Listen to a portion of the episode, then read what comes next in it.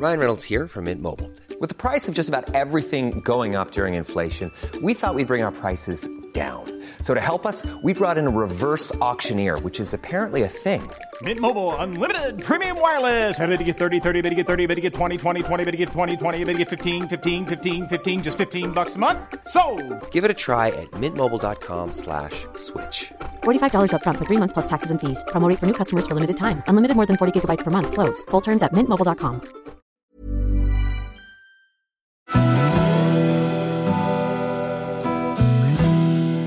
Välkommen till Stora relationsguiden. Podden där parterapeuten Anneli Östling tillsammans med sin sidekick Bella guidar dig genom allt som har med kärlek och relationer att göra. Följt av väl beprövade tips och råd.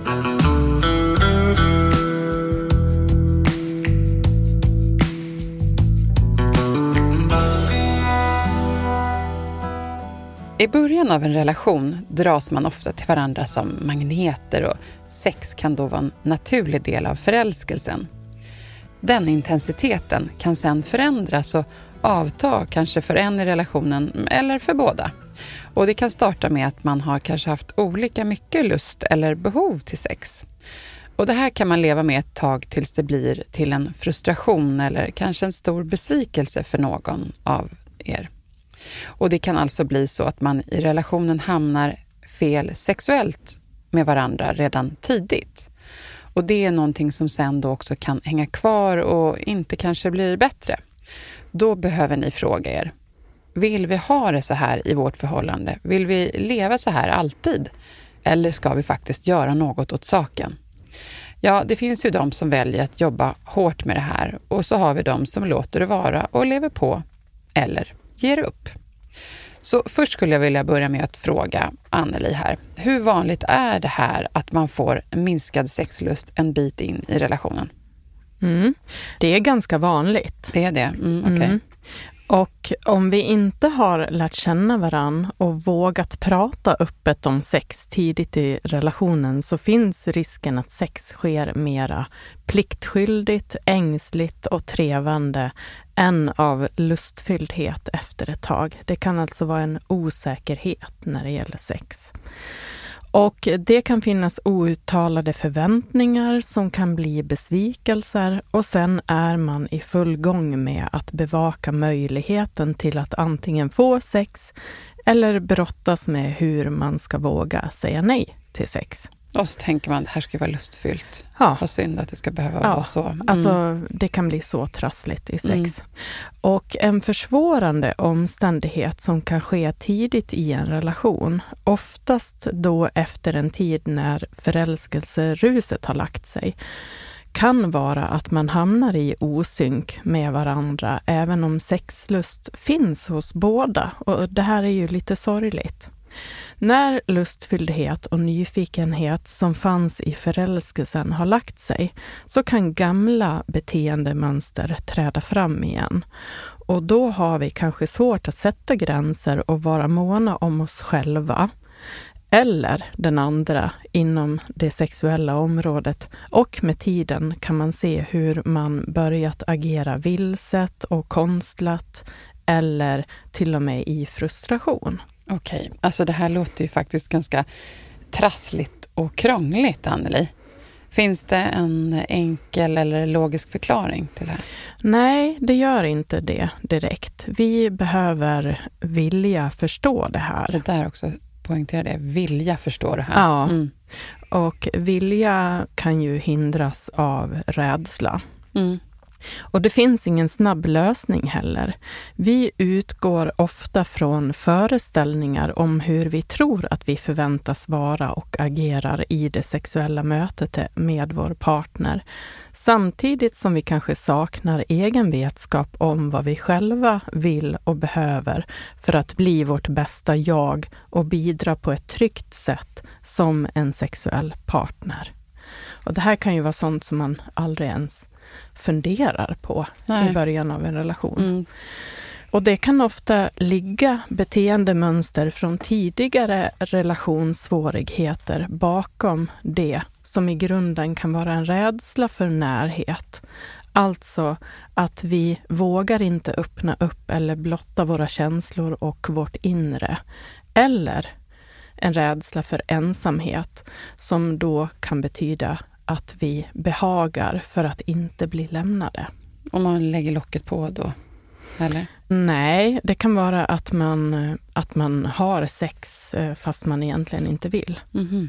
Oj. Ja, Mm. ja, det kan väl också vara att man lägger locket på, men att man, man är mer rädd för att bli ensam än att anstränga sig och eh, låtsas vilja ha sex. Till Det är bättre att jag gör det här så att vi bara får Ja. fortsätta vår relation i alla fall. Precis. Mm, Okej. Och här är det då lätt att bli missförstådd och misstolkad i vad vi signalerar till den andra på grund av att vi inte är öppna och ärliga i våra samtal och sexuella möten.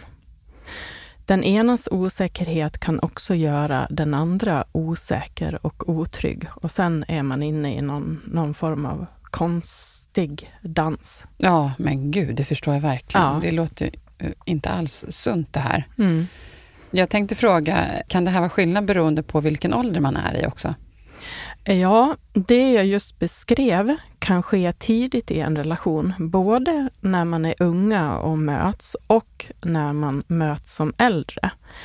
Många gånger har ålder en betydelse som gör att man kanske har blivit mera trygg i sig själv och modig att säga vad man vill och önskar, än när man är yngre och kanske inte har så stor inre trygghet och erfarenhet. Såklart, det är bra ja. Mm. Ja, och vi är ju alla nybörjare i början. Och att då tillåta sig att vara det och utforska. Men det kan vara både skamfullt och svårt. Mm. Och det är skillnad på tillfälliga sexuella relationer som man kanske har när man är yngre innan man har träffat den rätta, mot när man träffar en person som man vill ha en långsiktig relation med, som ska fungera. Och vi blir mer sårbara då och oroliga när det inte flyter och det kan stöka till det. Mm. Och jag skulle tillägga, det finns ju också de som har en hel del tillfälliga relationer, även som äldre såklart. Mm, absolut. Ehm, Men kan du sätta ord på vilken typ, eller vilka typer av känslor som finns hos den som upplever att partnern inte har någon större lust eh, till att ha sex med en då? Hur kan man känna sig då? Mm. Den som känner sig avvisad och inte upplever att partnern vill ha sex eller vill ha en, då kan man känna sig både oälskad, oattraktiv, ledsen och besviken. Alltså det här, det här kan bli svårt. Mm, mycket jobbiga känslor är det. Ja, och det i sin tur kan då leda till att den här personen uppträder med missnöje eller besvikelse. Kanske signalerar hot och ultimatum eller ifrågasättande av hur den andra är och anstränger sig för relationen och sexlivet. Och det här kanske inte är så, det sker inte så genomtänkt. Alltså man har inte förståelsen bakom. Och det kan göra så ont att vara den som inte känner sig önskad. I det här läget kanske man inte har förmågan att vara pedagogisk och förklara för partnern hur svårt det här kan bli och kännas. Man kanske istället visar irritation och distanserar sig och försöker på alla sätt att frånta sig ansvar för det som sker. Och plötsligt har en osund dynamik av att jaga och att känna sig jagad etablerats och den kan med tiden bli en permanent låsning sexuellt i relationen. Det förstår jag verkligen. Mm. Mm. Och det här kan vara början på en lång bänk av stress, press och lidande. Och då hoppas man ju verkligen att någon i relationen tar upp det och, och gör någonting Mm. åt det. För det här, så här vill man ju inte gå runt och känna sig. Nej, Och förr eller senare måste man ju ändå ta upp det, så att det är bättre att ta upp det tidigt så man slipper eh, onödiga, långa sådana här problem. Mm. men det kan vara lättare sagt än gjort. Ja, det är ganska vanligt, eller? Mm, det är vanligt. Mm, det är vanligt. Mm. Och nu tänkte jag läsa en text som kommer ur Ester Perells bok Lust. Håll glöden levande i långa relationer. Mm, åh, spännande. Och Ester Ja. Perell hon är en Ja. av mina gurus, eller vad man ska säga. Vad kan man säga om henne? Ja, hon har varit en stor inspirationskälla för mig. Mm. både när jag har jobbat med otrohet och lust och sex. Hon har skrivit många böcker. Eh, och ehm, Ja, så då kan man ju gå in och söka på Ester Perell om man är lite mer nyfiken kring det här. Hon har skrivit mycket böcker och så. Mm. Och eh, jag valde ut ett stycke som lyder så här. Åh, nu blir det lite berättarstund här då. Mm. Mm.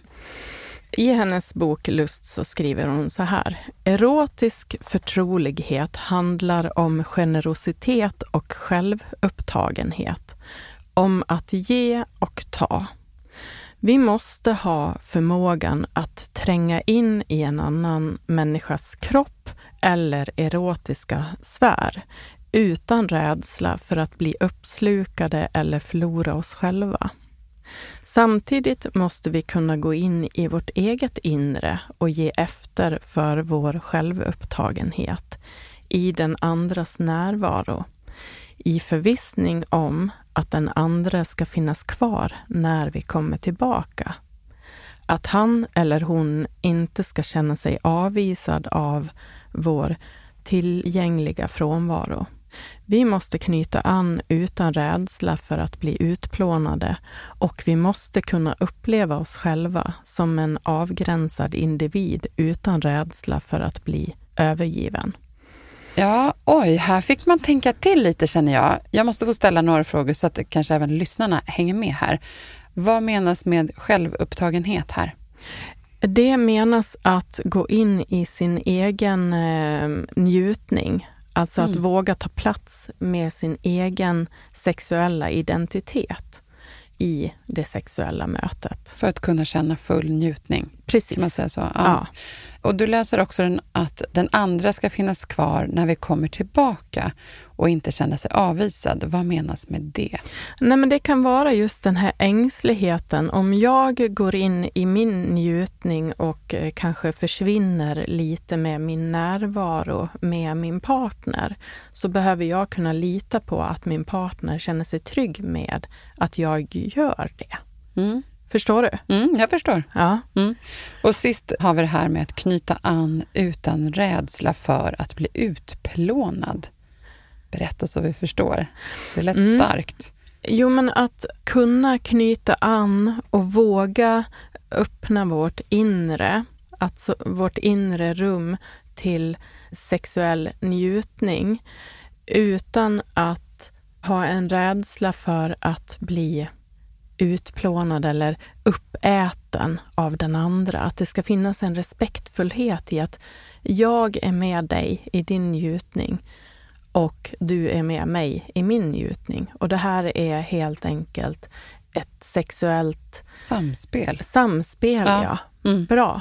Mm. Det är ett sexuellt samspel och eh, den här oron kan finnas hos en person som är lite rädd för att öppna sig. Det kan vara en otrygg, undvikande person som har en rädsla för att komma för nära känslomässigt.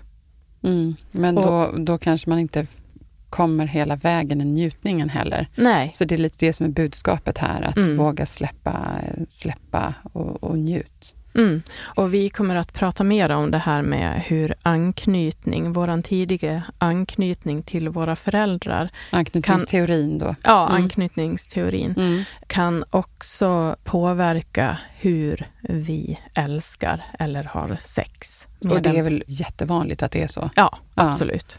Precis. Jag tänker att vi lämnar det här just nu och så Mm. går vi vidare med lite andra frågor. Mm. Är det okej? Ja, Mm. absolut. Hur lätt eller svårt är det att vara den andra då? Alltså den som har mindre eller kanske ingen lust. Hur kan man känna sig och även känna sig mot sin partner? Det, det känns som att det är väl minst lika svårt. Absolut. Det är det ju. Och den här personen vill säkert ha uppskattning och kärlek och känna sig tillräcklig. Men det kan bli svårt när man lever med känslan av att inte räcka till och inte kunna göra sin partner lycklig. Och att den får sina behov tillfredsställda. Och då i det här fallet så gäller det ju sexuella behov. Den som vill ha minst sex är alltid den som har mest sexuell makt i relationen. För man är nej-sägaren. Ja, Mm. precis. Och i det här läget är det inte ovanligt att den här partnern ställer upp på sex även fast den inte vill. Och det är naturligtvis en stor sorg också att dels behöva sitta på den här makten och behöva överge sig själv.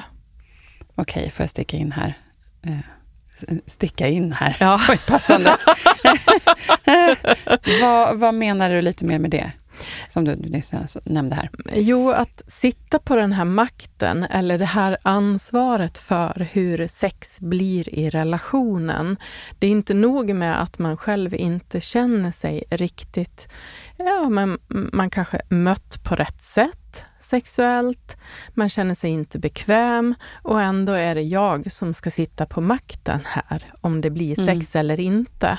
Att man kan lätt känna sig som den skyldiga, den ansvariga till det som sker. Men Den att, stora boven i dramat till att det liksom inte är bra. ja, och sen också behöva överge sig själv. Alltså man vet inte hur ska jag lyckas komma tillbaka och känna min lustfylldhet som jag vet egentligen finns där med min partner. Vågar jag säga vad jag behöver? Hur ska jag kunna känna mig bekväm här? Och då kanske det enda sättet man kommer på är att ändå ha sex fast man inte vill. Men jag tänker då, finns det inte de, det finns ju ändå ett uttryck som heter asexuell. Det kan inte bli så att man, jag kanske inte har lust till sex längre. Man kanske inte tror att man, att det- man kanske, nu är det slut för mig. Ja, Att det kan till och med vara så. Ja, och det blir ju då en annan sak. Det är ju någonting som kan komma fram. De flesta vill ju vara i en relation eller att känna sig älskad. Och det här blir ju då en problematik om man upptäcker att man helt enkelt är asexuell. Det kan ju vara en enorm rädsla för att ja, men då kanske inte jag får vara i den här relationen. Ah, Ja. Såklart. Ja. Det är ju jättesvårt att hantera först, kan jag förstå. Mm. Mm. Och eh, när det händer att den partnern som vill ha sex mer sällan, ofta avvisat sexuella inviter, men ibland oväntat gått med på sex för att undvika dåligt humör hos den andra eller att man vill skapa trygghet för sig själv. Det beteendet som då påbörjas uppskattas kanske av den som vill ha sex, men kan också bli obegripligt för den att förstå vad är det som leder till sex och när händer det egentligen? Nu helt plötsligt så hände det och vad, vad var det som var skillnaden? Mm, ja, Alltså- just det. Ja, Man ser inte någon mönster, man förstår inte. Här kommer det Nej. från ingenstans. mm. Mm. Och det beteendet kan leda till att eh, den trånande partnern lägger mer och mer tid på att sukta eller tjata eftersom ansträngningarna uppenbarligen har lönat sig ibland. Mm. Och det går alltså inte att förstå och lära känna sin partner på ett bra sätt för att veta hur partnern vill att man förhåller sig nästa gång. Framförallt för att lusten ska kunna väckas av ett nytt beteende. Alltså man vet inte, Ja. vad är det jag gör? När lyckas jag och jag när förstår. lyckas jag inte? Man testar allt så Ja. funkar något i alla fall. Ja. Men varför blir det så här då? Ja, att ha svårt för att prata om känslor, speciellt när det gäller sex, och en ovilja att gå in i djupare samtal om vad det är som händer här, kan resultera i att man kan känna sig pressad. Man kan då till exempel ursäkta sig med att ja, jag är inte som du, jag uttrycker mig inte som du och eh, jag har inte lätt för att prata om sex som du har. Kan det vara okej? Mm. Kan du vara okej med det? Mm. Och då får man ett svar som kan skifta såklart. Eller jag säger inte skifta, utan det kan vara obekvämt eller inte. Man vet ju inte. Ja, många ser eller vill se sex som det som det mest självklara. Att det liksom sköter sig självt och det borde alla vilja ha och kunna ha och kunna prata om. Allt annat är konstigt för den andra kanske. Så kan inställningen vara hos den som vill ha mera sex. Mm. Jag förstår det. Jag går vidare här. Mm. Eh, finns det något generellt tips som alla borde tänka på för att inte hamna i det här? Det känns så jobbigt att, att hamna i det här känner man. Mm. Kan du ge något, säga något om det? Ja, det här är ett komplicerat område, men Mm. var måna om er själva och ta ansvar för att sex alltid behöver ske på bådas villkor, eller till och med måste, för att bli bra. Och missar ni det i början genom att inte vara lyhörda eller vilja vara till lags, kan det få förödande konsekvenser för hur ni upplever era sexuella möten framåt. Och om man inte pratar och förklarar så är det svårt att veta för partnern vad som fungerar och blir bra för den andra. Och det kan då bli en gissningslek till slut. Mm, det, Man får gissa sig fram och det blir så här otryggt och liksom trevande och Ja. tassande. ja, Ja. så onödigt och oskönt att behöva ha det så. Mm.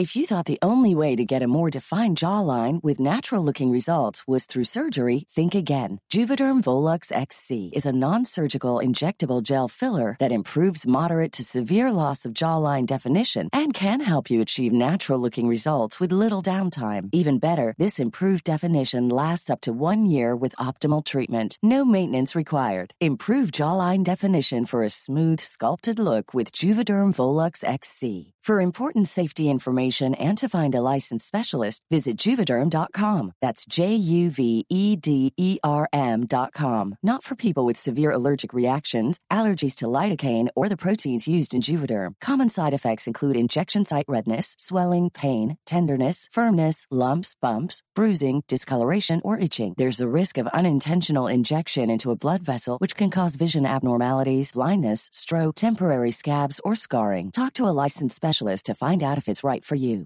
Imagine the softest sheets you've ever felt. Now imagine them getting even softer over time. That's what you'll feel with Bowl and Branch's organic cotton sheets. In a recent customer survey, 96% replied that Bowl and Branch sheets get softer with every wash. Start getting your best night's sleep in these sheets that get softer and softer for years to come. Try their sheets with a 30-night guarantee. Plus, get 15% off your first order at bowlandbranch.com. Code BUTTERY. Exclusions apply. See site for details. Är en sexolog en väg att ta hjälp med sånt här då undrar jag? Absolut. En sexolog är ju specialiserad på människors sexualitet och hjälper till att sätta ord på upplevelser som handlar om frågor kring sexlust, problem i kommunikationen med sin partner eller svårigheten att identifiera sin egen sexualitet. Mm. Jag vet att många sexologer också tittar på anknytningsmönster, det jag nämnde förut. Precis, det är det jag ska säga. Mm. Ja, och här kommer då Ester Prell in igen, där hon eh, på ett ställe i sin bok skriver Berätta hur du blev älskad, alltså som barn då, och jag ska säga dig hur du älskar. Mhm, En Eh. tänk, väldigt tänkvärd eh, mening där måste jag säga. Mm. Man kan alltså se mönster från ens uppväxt som mer eller mindre präglar ens vuxna sexliv. Och det här kan ju kännas verkligen som överkurs för Mm. många som tänker att ja, men sex, det är väl sånt som bara fungerar. Det bara sker. Ja, Precis, men man kan ju också både, som att det kan vara väldigt dåligt, så kan man önska, man har, tycker att man har det bra, man kan ju också få det ännu bättre och Mm. ännu härligare och så. mm. Ja. Jag har förstått det som att om man tar hjälp utifrån, då kan man ju liksom få ett bättre sexliv mer än någonsin. Det känner jag folk som har... Vi var så glada att vi gjorde det. Vi har ett bättre sex nu än till och med än, än när vi träffades. Så jag undrar lite varför inte det här med att gå till en sexolog till exempel, varför det är mer uppe på tapeten som man kan säga. Om det verkar vara så pass kanske vanligt ändå att man vet att det blir bättre om man har tagit hjälp. ja, det här känner inte jag till på det sättet. Men Det kanske inte är jätteutbrett vanligt så, men det är väl kanske att man inte pratar om sex på samma sätt heller som man gör om annat i, i relationen. Nej, Men eh, det låter ju onekligen intressant och förståeligt. Ja. Absolut. Mm. Och att få nya perspektiv och ny kunskap gör ju att man utvecklas oavsett vad man ska göra. Mm. Jag kan varmt rekommendera att intressera sig för allt som kan utveckla en relation och även göra det proaktivt, alltså i förebyggande syfte. Både när det gäller att hantera relationen och sexlivet. Och när det specifikt gäller sex så tycker jag att det låter som en väldigt bra idé innan det har gått så här långt. Mm. Att eh, någonstans bestämma sig för att sex inte är någonting som jag vill lämna åt slumpen. Alltså, det behöver var och en bestämma sig för. Jag Ja. tänker inte låta, Det rinner ut i sanden bara och det blev inte något mer. ja, Ja. att bara låta det bli som det blir. Ja. Utan jag har förstått att det här är någonting som jag själv kan påverka i stor Mm. grad. Och man kan säkert vara rädd också att om man själv känner jag behöver inte så mycket sex, men inte prata med sin partner om det, Mm. att det kan ju till slut bli en eh, dealbreaker. Jag kan inte vara i en relation utan sex. Mm. Man kanske är lite rädd för att ställa den frågan till sin partner, så man låter det vara och så kan det bli Mm. jättedåligt i hela relationen också. Det är ofta det där som händer. Mm. Och det kan vara bra att försöka lära känna sin egen sexualitet som en del i det här. Det är väldigt viktigt. Men har man till exempel vuxit upp med att sex är skamligt eller jag tänker ofta att många med, med barn som börjar utforska sin sexualitet i tidig ålder. Det kan vara att man rör vid sina genitalier och, och man kan till och med se att ett barn njuter av det. Det finns många föräldrar som tycker att det här är skamfullt och liksom hysch, hysch eller liksom säga att eh, sluta upp med det där. Liksom. Mm. Så här beter vi oss inte. Det kan till exempel vara en sån sak som sitter kvar i systemet. Ja. Att det blir ett minne att sex är någonting skamligt, att visa sin njutning. Mm. Ja, det där är... Jag förstår det. Det Ja. där gamla händerna på täcket. Ja, Ja. precis. precis. Mm. Och det finns par som lever med och har levt med den här problematiken i med 20 till 30 år. Alltså att man inte har fått sexlivet att fungera. Man är i osynk med varandra. Och det blir slitsamt och liksom ligger som en sorgslöja över hela relationen. Är det så? Och det är inte så att man kan ha en glad och bra relation trots att man har ett dåligt sexliv? Jo, det kan man absolut ha, men jag tror att den där sorgslöjan ändå finns i bakgrunden. Det är som ett litet skav. Man vet att det där hade vi kanske behövt ta tag i. Ja, eller man det, det kan ju vara har, har det fler- bättre. Ja, ja, absolut. Man kan höra andra som har ett fantastiskt sexliv och sen vet man inte, men gud, vad, vad är det som har hänt med oss? Mm. Man känner sig konstig och eh, man kan bli påmind om det flera gånger i veckan. Till exempel att oj, nu börjar det bli dags igen. Jag Att märker att något min partner... ångestladdat Ja, det istället. blir något ångestladdat. Hur kan jag komma ur det här? Eller ska jag ställa upp för eh, husfridens skull? Att man kan inte glädjas fullt ut för att man känner sig lite otillräcklig. I alla fall som den som inte vill ha sex. Mm. Och den som vill ha sex kan ju känna sig oälskad och oattraktiv och liksom leva med den ledsenheten. Mm. Mm. Vad kan vara anledningen till att man inte tar hjälp då? Ja, Det är sex, just det här att det kan vara svårt att prata om sex. Mm. Sex och intimitet kan vara så otroligt privat och även skamfullt. Och eh, det kan vara svårt att ta hjälp av en tredje part om man till och med känner sig obekväm att prata om det i sin egen relation. Men det kan vara just det som gör att den här heta potatisen inte blir så het längre. När man får prata om det och förstå lite bättre. Och har man dessutom svårt att prata om det med varandra så kan det ju vara helt otänkbart att vilja ta hjälp av en tredje part och prata om det mest privata. Mm. Och det kan också vara så att den som vill ha mera sex har blivit van att känna sig både krävande och icke respektfull i sitt sätt att försöka med allt för att få sex. Och man kanske också då tror att man inte kommer att få förståelsen för sitt behov heller hos en parterapeut eller en sexolog, utan man kanske är rädd för att framstå som nidig och egoistisk. Och, ja, Mm. Sen kan det finnas många fler anledningar. Jag förstår. Och när du, du nämnde det här med skamfullt. Mm. Jag tänker i dagens samhälle när vi är så öppna generellt, nu generaliserar jag. Mm. Är det mycket, känner man mycket skamfullt kring det här? Alltså jag tror att det är skillnad nu mot tidigare generationer. Det har Mm. blivit bättre, men det finns absolut kvar. Mm. Och sen kan det också vara som så att man, är man obekväm själv, så kan det också bli så att man visar det för sina barn att usch, nej, nej, Mm. sånt där håller vi inte på med. Det är för att man inte vet annat. Ja, Ungefär så. ja.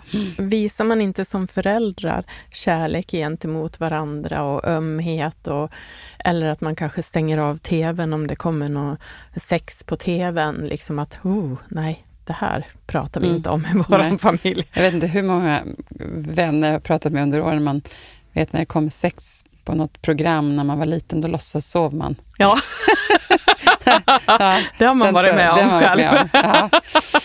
Ja, Ja. nej, Det är uppenbarligen något vi behöver prata om och vi har ju blivit bättre i samhället. Men jag tänker, kan du dela med dig av någon konkret sägning som man kan använda sig av om man vill ta upp det här bekymret med sin partner? Mm.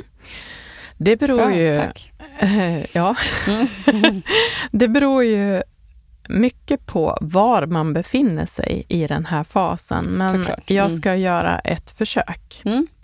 Den som önskar mera sex skulle kunna säga så här, till exempel. Mm. Jag är medveten om att vi har hamnat fel när det gäller sex. Jag har säkert en del i det och för mig känns det så viktigt att vi försöker lösa det här. Det är en viktig del för mig i en relation och jag skulle så gärna vilja få det att fungera för dig och oss. Snälla, hjälp mig att förstå hur jag ska förhålla mig för att du ska kunna slappna av och kanske få tillbaka din lust till sex om det går. Jag behöver verkligen din hjälp då det som jag hittills har gjort inte verkar fungera. Och jag vill inte att du ska känna press. Jag är orolig för vad som ska hända om vi inte löser det här tillsammans, du och jag. Mm, vad bra. Och vad bra att du la till det att inte känna press. För jag kan tänka mig att det är precis det man gör Mm. när ens partner tar upp det här. Att Mm. man känner pressen och då bara, åh, det här är så Mm. jobbigt. Mm. Men hur kan vi lösa det här tillsammans? Det är väl en jättebra avslutning på det också. Mm.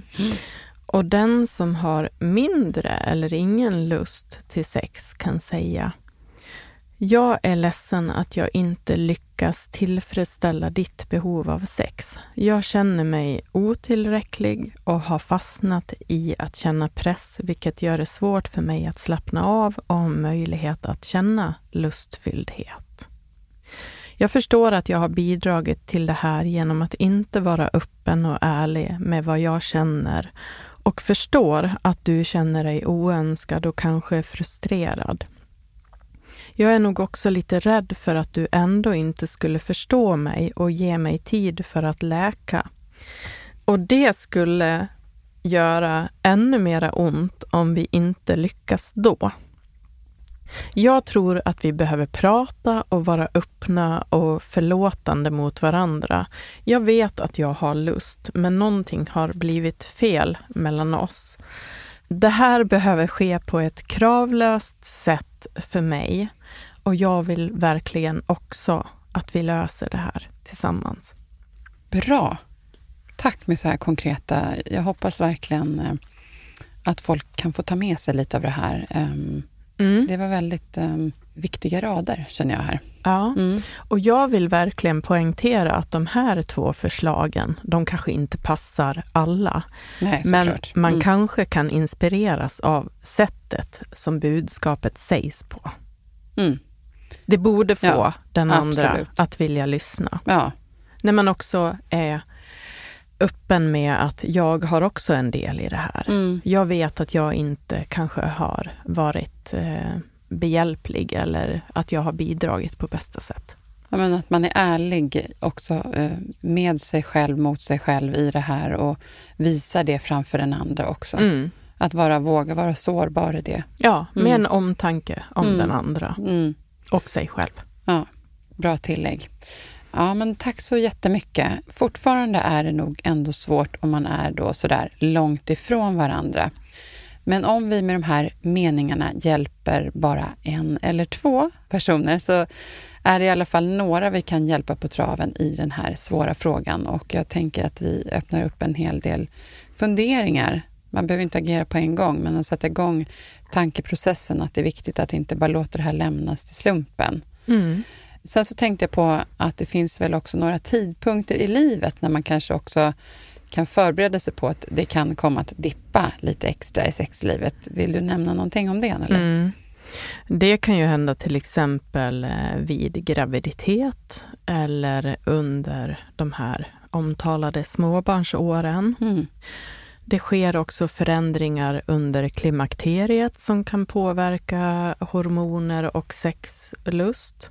Och någonting som är vanligt är också när någon i relationen exempelvis blir sjuk eller kanske har en nära anhörig som ligger för döden.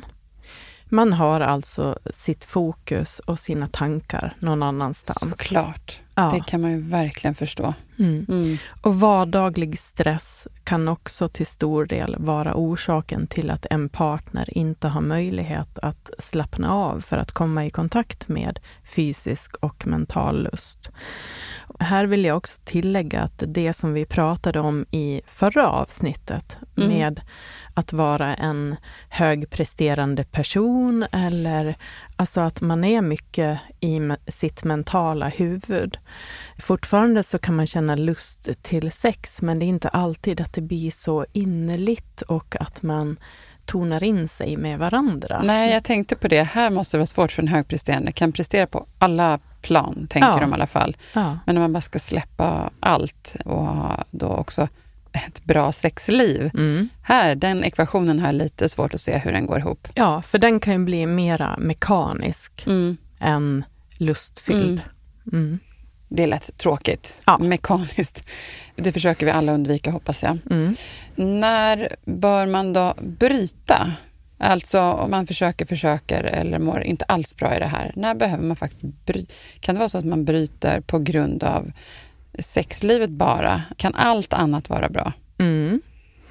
Det, det händer. Det kan vara så viktigt för en person. Och man kan också intala sig att nej, det är så mycket annat som fungerar bra, men man blir aldrig av med det här skavet.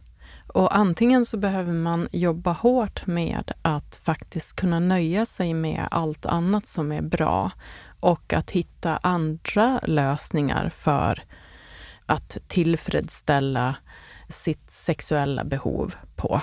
Mm. Men det, det kommer vi inte gå in på idag. Men eh, jag kan börja med att säga att om man har försökt att vilja förstå varann här, om man har försökt att läka gamla sexuella sår genom nya strategier, till exempel att börja om från början, man kanske bestämmer sig för avhållsamhet eller sexförbud och istället ägnar sig åt andra sätt att slappna av och njuta av närhet tillsammans. Till exempel massage eller att man börjar eh, kyssas eller pussas mera för att båda ska kunna slappna av och komma närmare varandra genom andra sinnen på ett kravlöst sätt. Man kan också söka hjälp hos en parterapeut eller en sexolog. Och som sista utväg, om ingenting hjälper och om det har gått så långt att man har förbrukat förtroendet hos varandra och malt sönder relationen på grund av det här, så att man inte längre kan hitta tillbaka till en trygg, skön känsla av varandra, då kanske båda mår bättre av att gå vidare. Och vissa Viktigt att poängtera det. Ja, Mm.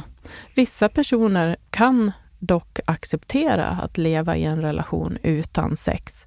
Men om man inte kan tänka sig det så kan det bli svårt. Ja, så är det ju faktiskt. Ja, Och- saker och ting är Ja. vad det är. Mm. Och om man hamnar där så...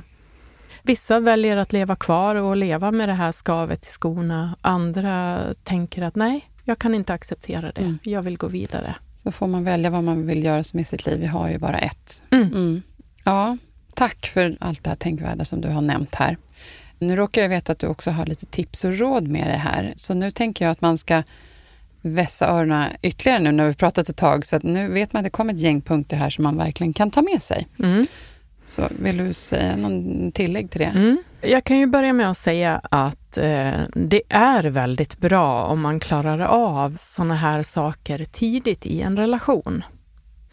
Alltså att ta modet till sig att prata om det tidigt i en relation. För det är svårt att bryta ett invant mönster, lite Ja, så du menar? det kan vara Elfman? svårare längre fram Ja. om det redan har gått snett. Ja. Men jag börjar här då. Mm. Våga prata om sex och om era tidigare erfarenheter.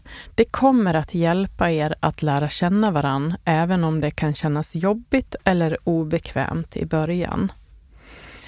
Och sen, finns det någon i relationen som är bättre och har lättare för att prata om sex, försök då att locka fram din partner på ett tryggt sätt som inte gör partnern obekväm. Man kan behöva trygga upp med att det inte finns någon baktanke med det man önskar av samtalet. Mer än att man är mån om relationen långsiktigt och relationen får just här vara viktigare än sexet. Mm. Och finns det någonting i historien som kan påverka din sexuella förmåga och lust på någon, något sätt, i så fall är det bra att låta din partner få veta det för att den ska kunna förstå och kunna hjälpa dig till en ny och bättre upplevelse. Där pratar vi igen om det där att våga vara sårbar och hur mycket bättre det kan bli sen Mm. när man känner tryggheten med den andra. Mm.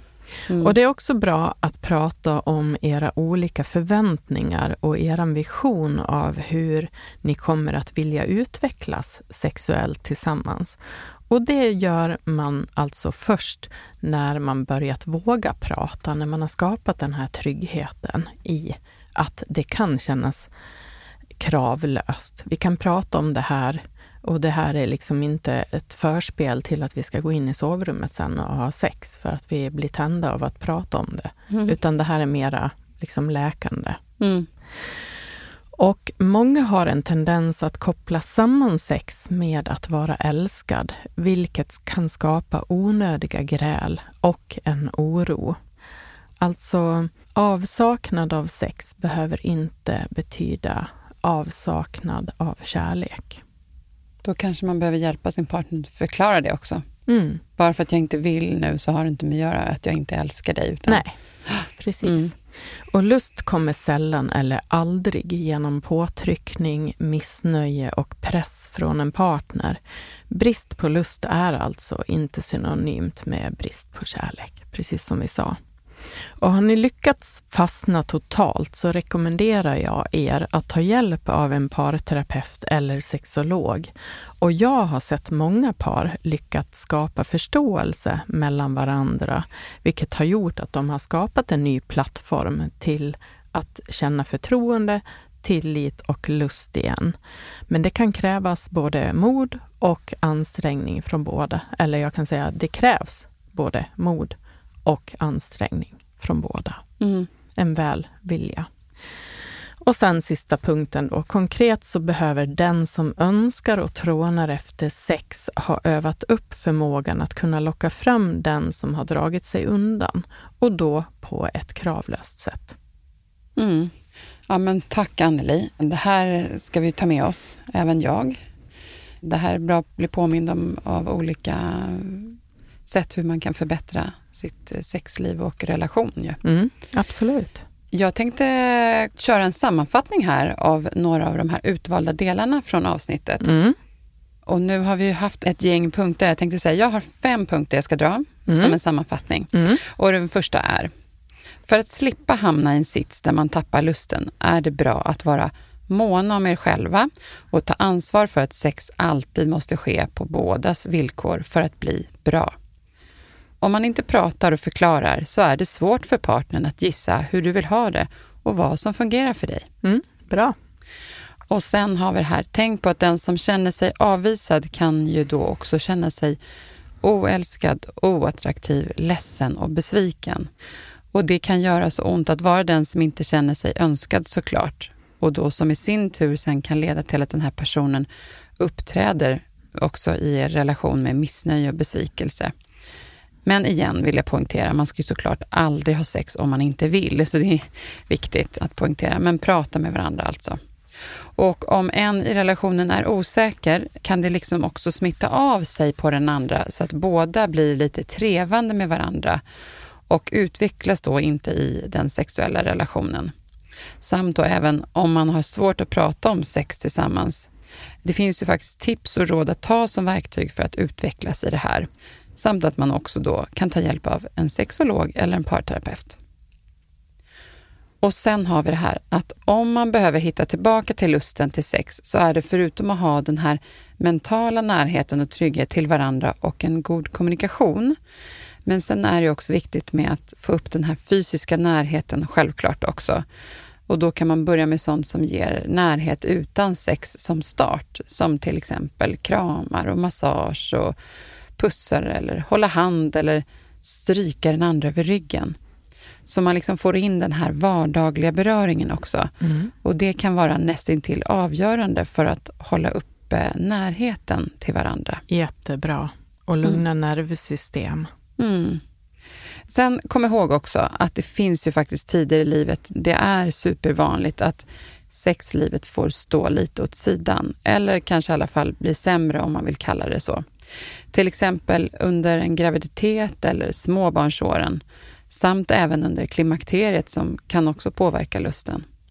Och om det blir så att någon i relationen blir allvarligt eller långvarigt sjuk så är det fullt naturligt. Eller om kanske en nära anhörig faktiskt ligger för döden. Så kom också ihåg att vardaglig stress gör att vi inte heller kan slappna av och har då svårare till njutning. Mm. Eh, och prata med varandra om det här. Ja ja, så det var allt för nu och för idag. Tack så mycket för att ni har lyssnat och lycka till där ute med sexlivet. Och tack till eh, Jens som eh, är vår producent och klippare och Anneli.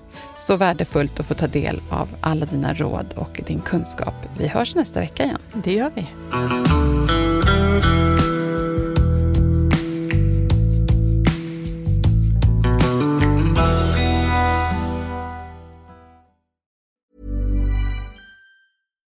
Deserves the best, and there's no better place to shop for Mother's Day than Whole Foods Market. They're your destination for unbeatable savings, from premium gifts to show-stopping flowers and irresistible desserts. Start by saving 33% with Prime on all body care and candles. Then get a 15-stem bunch of tulips for just $9.99 each with Prime. Round out Mom's menu with festive rosé, irresistible berry chantilly cake, and more special treats. Come celebrate Mother's Day at Whole Foods Market.